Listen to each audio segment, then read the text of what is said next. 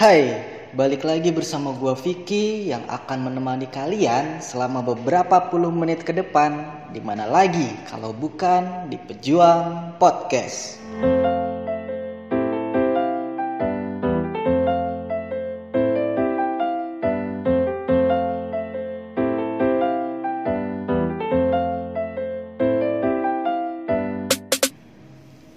Pembahasan podcast kali ini akan kembali membahas soal percintaan. Iya, kali ini gue akan membahas soal percintaan anak muda lagi nih. Percintaan yang seperti apa? Nah, di sini percintaan dalam eh, kondisi yaitu cinta dalam diam. Cinta dalam diam atau cinta tapi diam. Itu sama gak sih? harusnya sama aja ya cuma cuma katanya doang kata-katanya doang yang berubah. Cinta dalam diam terus cinta tapi diam. Ya sama aja sama-sama diam. Iya sama-sama cinta tapi sama-sama diam. Sama kan? Tanpa basa-basi gue akan memulai pembahasan ini dengan sebuah pertanyaan dulu nih. Gue mau tanya dulu ke kalian adakah di antara kalian yang merasakan cinta dalam diam ini atau yang sedang mengalami sekarang berada di kondisi atau situasi cinta dalam diam ini ada nggak? Kalau ada gimana sih sensasinya atau gimana rasanya berada di dalam sebuah kondisi di mana kita mencintai seseorang tapi kita nggak bisa diam ketika mencintai seseorang itu. Aduh. Gue dulu pernah merasakan yang namanya cinta dalam diam eh cinta dalam diam. Tapi dulu itu pas masih SMP masih bocah ngomongin cinta-cintaan. Perasaan yang yang di dulu itu biasa dikenal sebagai istilah cinta monyet. Sebuah perasaan yang ketika kita suka sama orang dan kita nggak punya nyali untuk mengatakannya jadi ya ya masih bocah SMP sih masih ya udah kenal cinta-cintaan. Waktu itu emang nggak terlalu paham soal cinta-cintaan soal masih SMP makanya ya udah ketika gue suka sama seseorang ya diem aja. Ya masih SMP cuy masih bocah. Jadi bisa disimpulkan bahwa cinta dalam diam ini adalah sebuah perasaan yang tidak bisa diungkapkan itu kan poin dari cinta dalam diam ini. Kita suka sama seseorang, tapi kita nggak bisa menyatakannya. Terus seolah berharap kalau pada akhirnya entah suatu saat nanti orang yang kita cintai ini akan peka sama perasaan itu atau perasaan kita. Ya itu kan cinta dalam diam dan Pertanyaannya adalah mau sampai kapan kita atau lu berpikir kayak gitu? Mau sampai kapan lu pendam perasaan itu? Kayak lu lagi makan ya, terus makanan itu cuma lu emut doang di mulut tanpa ada niatan buat ditelen. Apa nggak gumoh ya? Lama-lama begitu mem, uh, apa lu bayangin ngemut makanan terus nggak ditelen-telen apa nggak gumoh? Bener nggak yang gue bilang? Ayo. Ya sama aja itu prinsipnya sama aja. Tapi nih ya uh, eh, gue juga ngerti alasan kenapa ada seseorang yang bisa mencintai dalam diam. Oke. Pasti ada penyebab dari kondisi itu. Cinta dalam diam atau ya cinta dalam diam itu bisa terjadi pada orang yang tidak percaya diri. Iya tidak percaya diri. Gua gua kayak dejavu nih dengan istilah tidak percaya diri tapi di mana ya? Bentar bentar gue mikir dulu.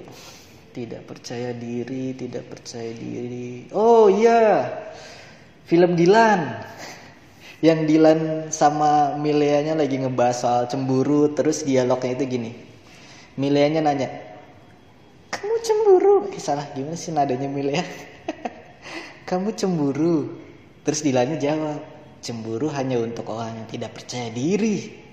Dan aku sedang tidak percaya diri. Nah itu tuh. Ya itu. Sama tuh kan? Sama-sama tidak percaya diri.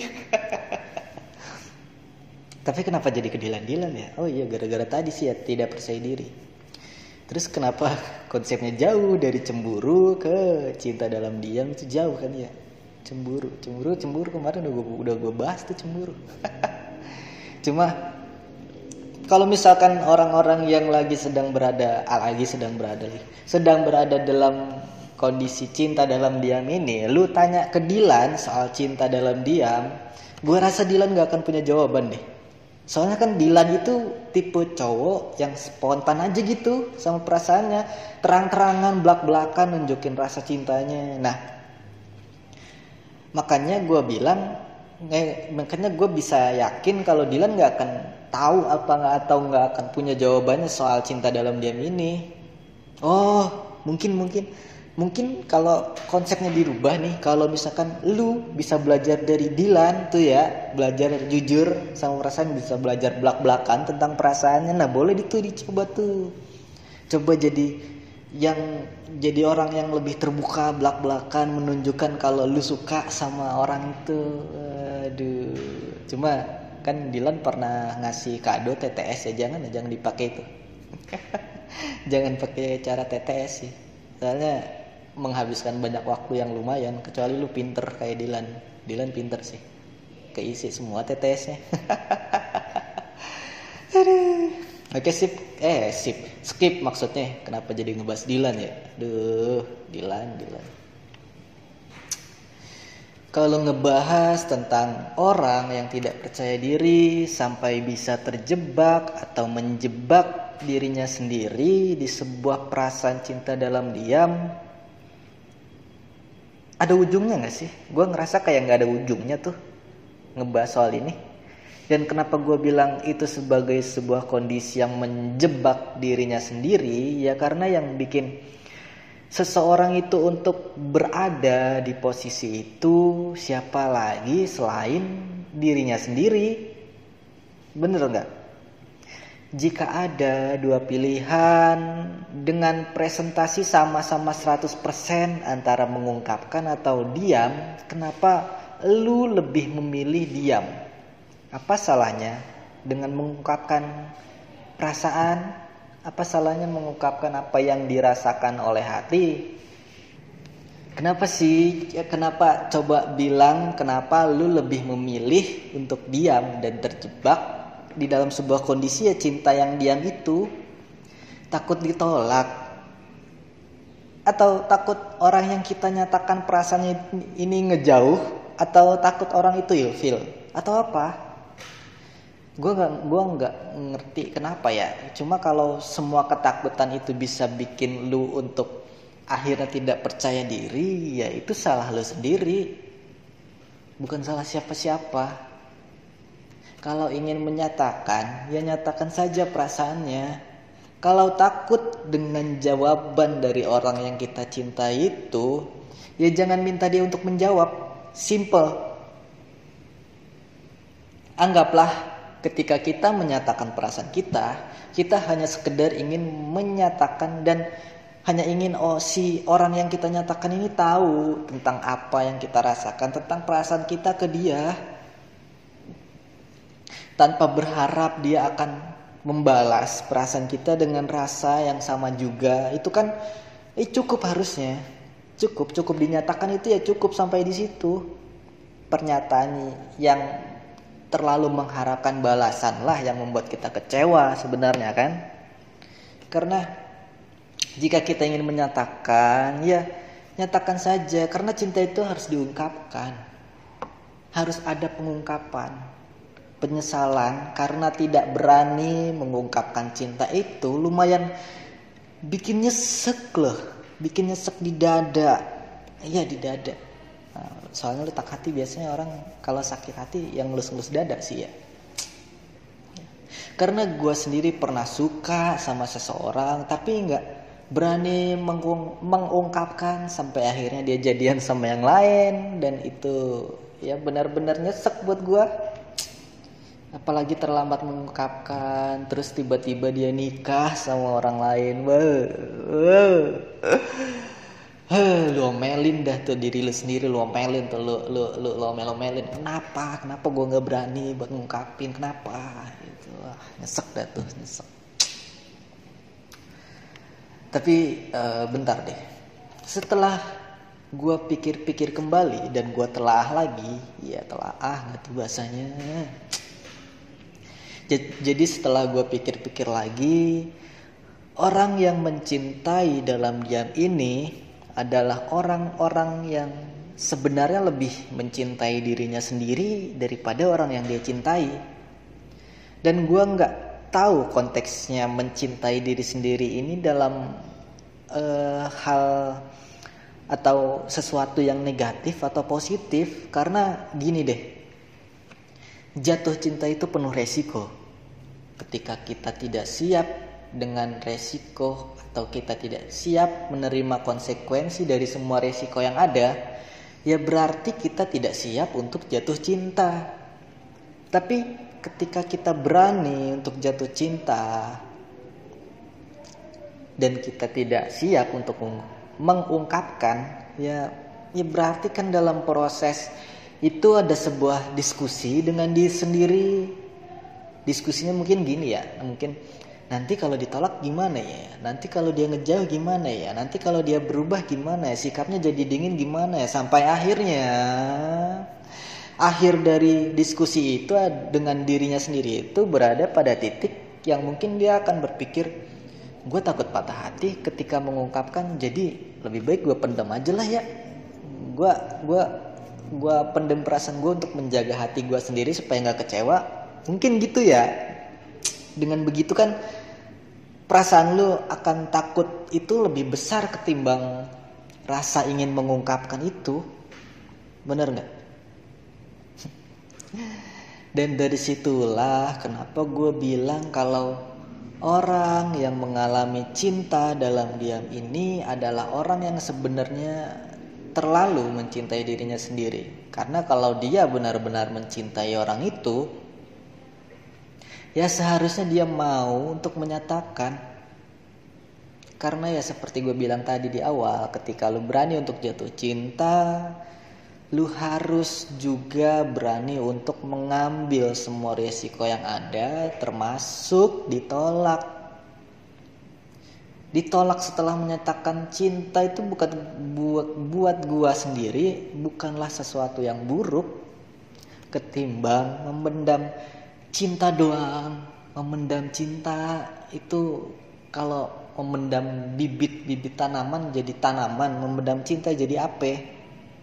Nggak ada nggak nggak bisa jadi apa-apa juga. Gimana ya?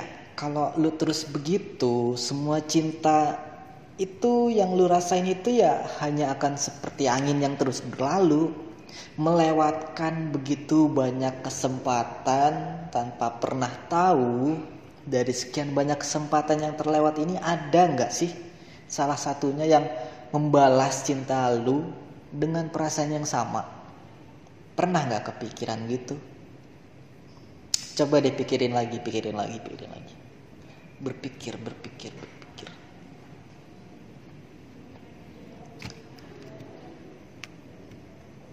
Jatuh cinta itu masalah kesiapan termasuk siap menyatakan.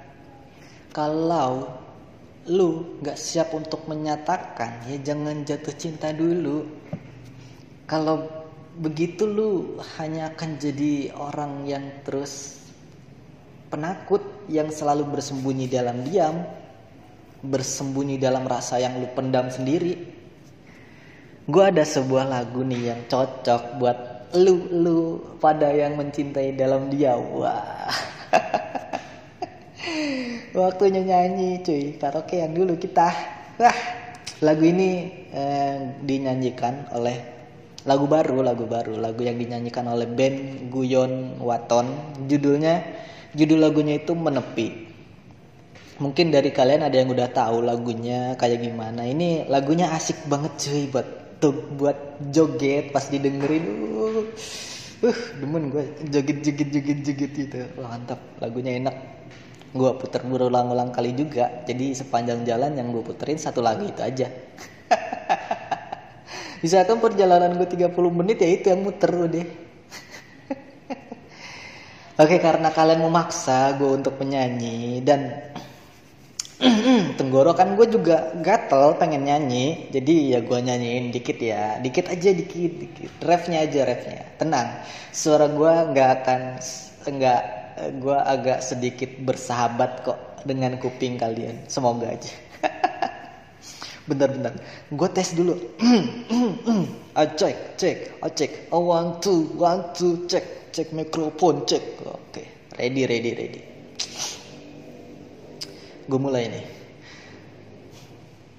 Mencintai dalam sepi dan rasa sabar mana lagi yang harus ku pendam dalam mengagumi dirimu?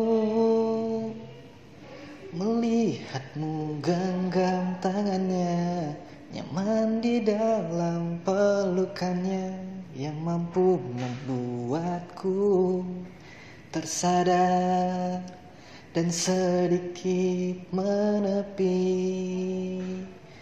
Mencintai dalam sepi dan rasa sabar mana lagi yang harus kau pendam dalam mengagumi dirimu Melihatmu genggam tangannya Nyaman di dalam pelukannya Yang mampu membuatku Tersadar dan sedikit menepi.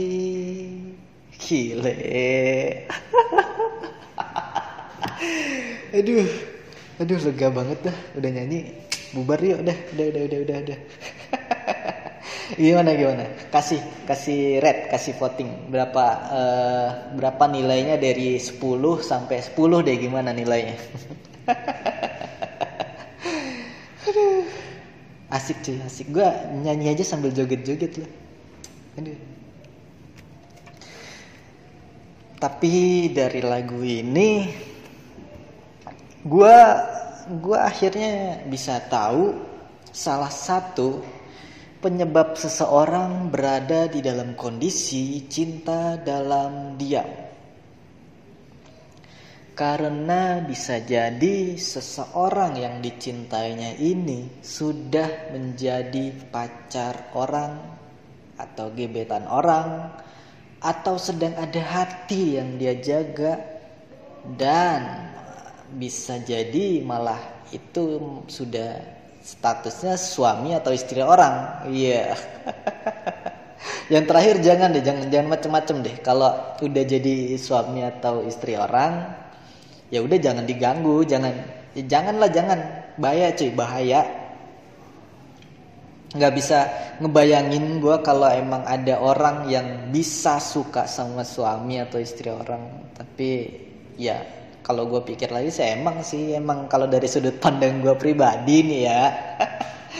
Ya namanya istri orang itu kayak lebih menarik gitu loh.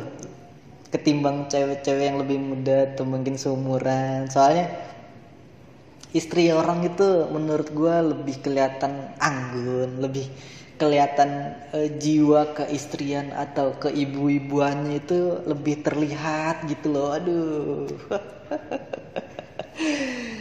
tapi bukan berarti gue suka istri orang. Enggak enggak. Enggak lah. Istri orang. Canda ya itu ya tadi ya. Jangan dimasukin serius. Jangan dimasukin dalam hati maksudnya. Sekarang gue ngerti salah satu alasan kenapa kita bisa berada pada posisi cinta dalam diam.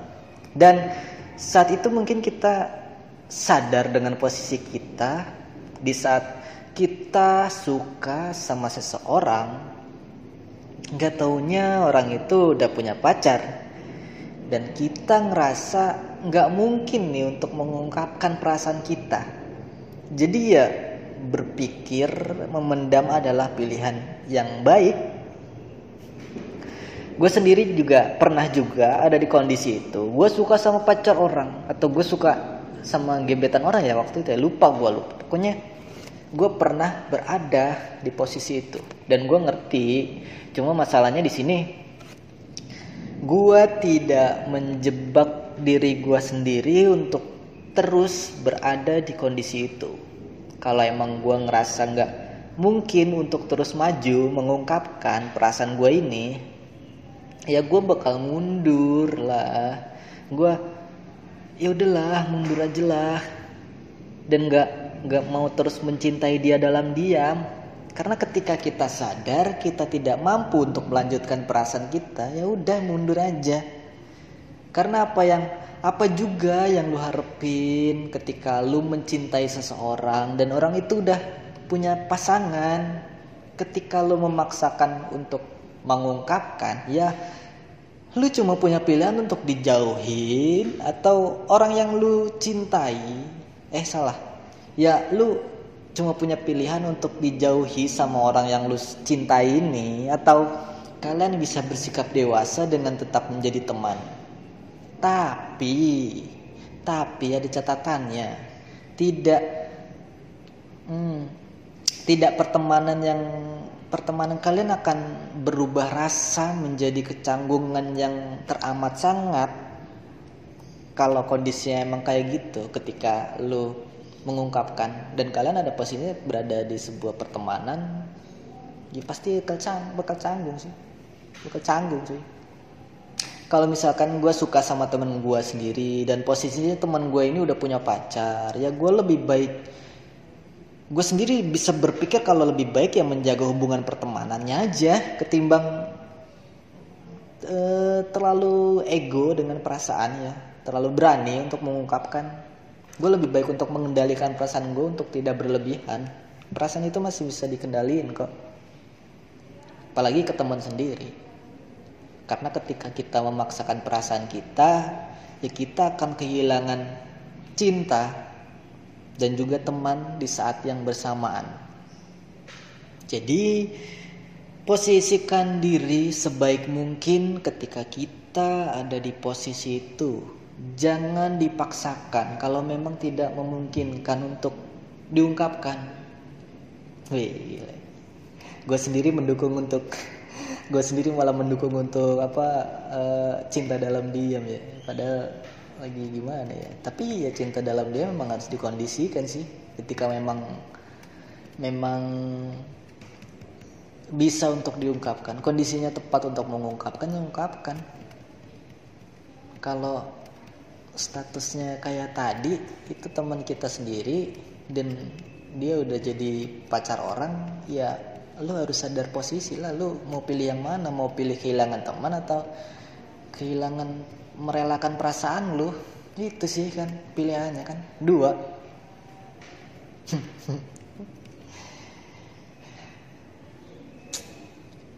Sebelum kita benar-benar siap untuk jatuh cinta ya kita harus bisa mengendalikan perasaan kita. Memang benar cinta itu tidak bisa diatur kapan dia akan datang. Tapi kita bisa kok untuk membedakan mana yang benar-benar kita cintai, mana yang hanya sekedar kita kagumi, dan mana yang mungkin sebatas kita sukai. Kita harus bisa membedakan semua itu. Jatuh cinta itu adalah perasaan yang indah dan bisa membuat kita bahagia. Kebahagiaannya bisa membuat hati berdebar-debar dengan tidak beraturan begitu cepat, begitu kencang. Efek dari jatuh cinta itu bisa bikin kita senyum-senyum sendiri. Bagi sebahagia itu kita. Masa dengan perasaan sebahagia itu orang yang kita cinta ini tidak berhak untuk tahu. Biarkan dia tahu kalau salah satu sebab dari bahagia kita itu adalah dia, izinkan dia untuk tahu hanya sekedar tahu kok nggak sulit. Karena yang memang tidak tidak ada salahnya untuk orang yang kita cinta ini tahu tentang perasaan kita. Tidak ada salahnya. Yang salah itu kita terlalu berharap. Kalau dia akan punya perasaan yang sama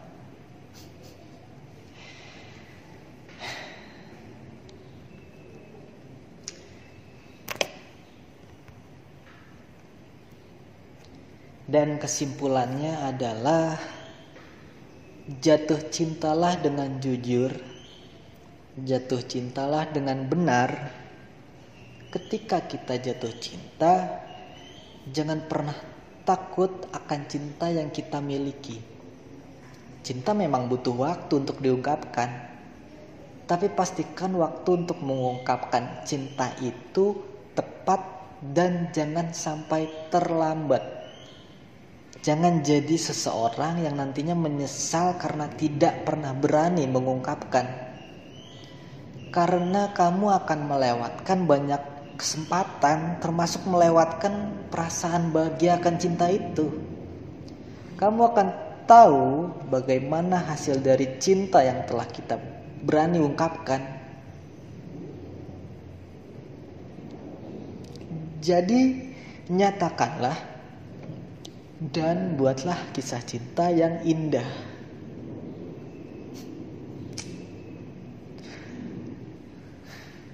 Udah sih itu aja sih. Jadi itu dulu aja pembahasan gue kali ini. Semoga setelah mendengarkan podcast gue kali ini kalian bisa lebih berani untuk mengungkapkan cinta. Jangan terjebak dengan cinta dalam diam. Karena kalau diam, diam, diam, eh dianya jadian sama orang lain. Eh, dianya nikah sama orang lain. Waduh, du, du, du.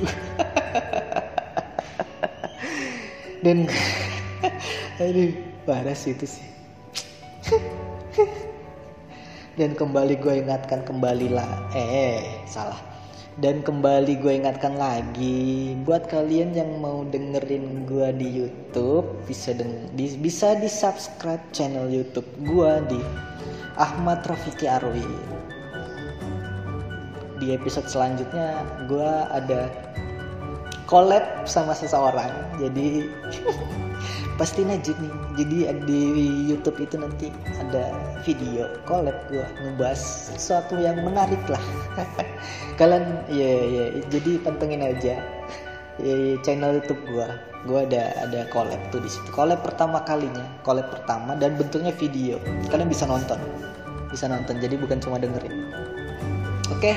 Kalian juga bisa tinggalin komentar kalian di situ. Kalian mau request pembahasan yang lain, kalian juga bisa DM gue via Instagram @ahmadprofiki pakai C. Jadi segitu dulu aja podcast dari gue dan terima kasih.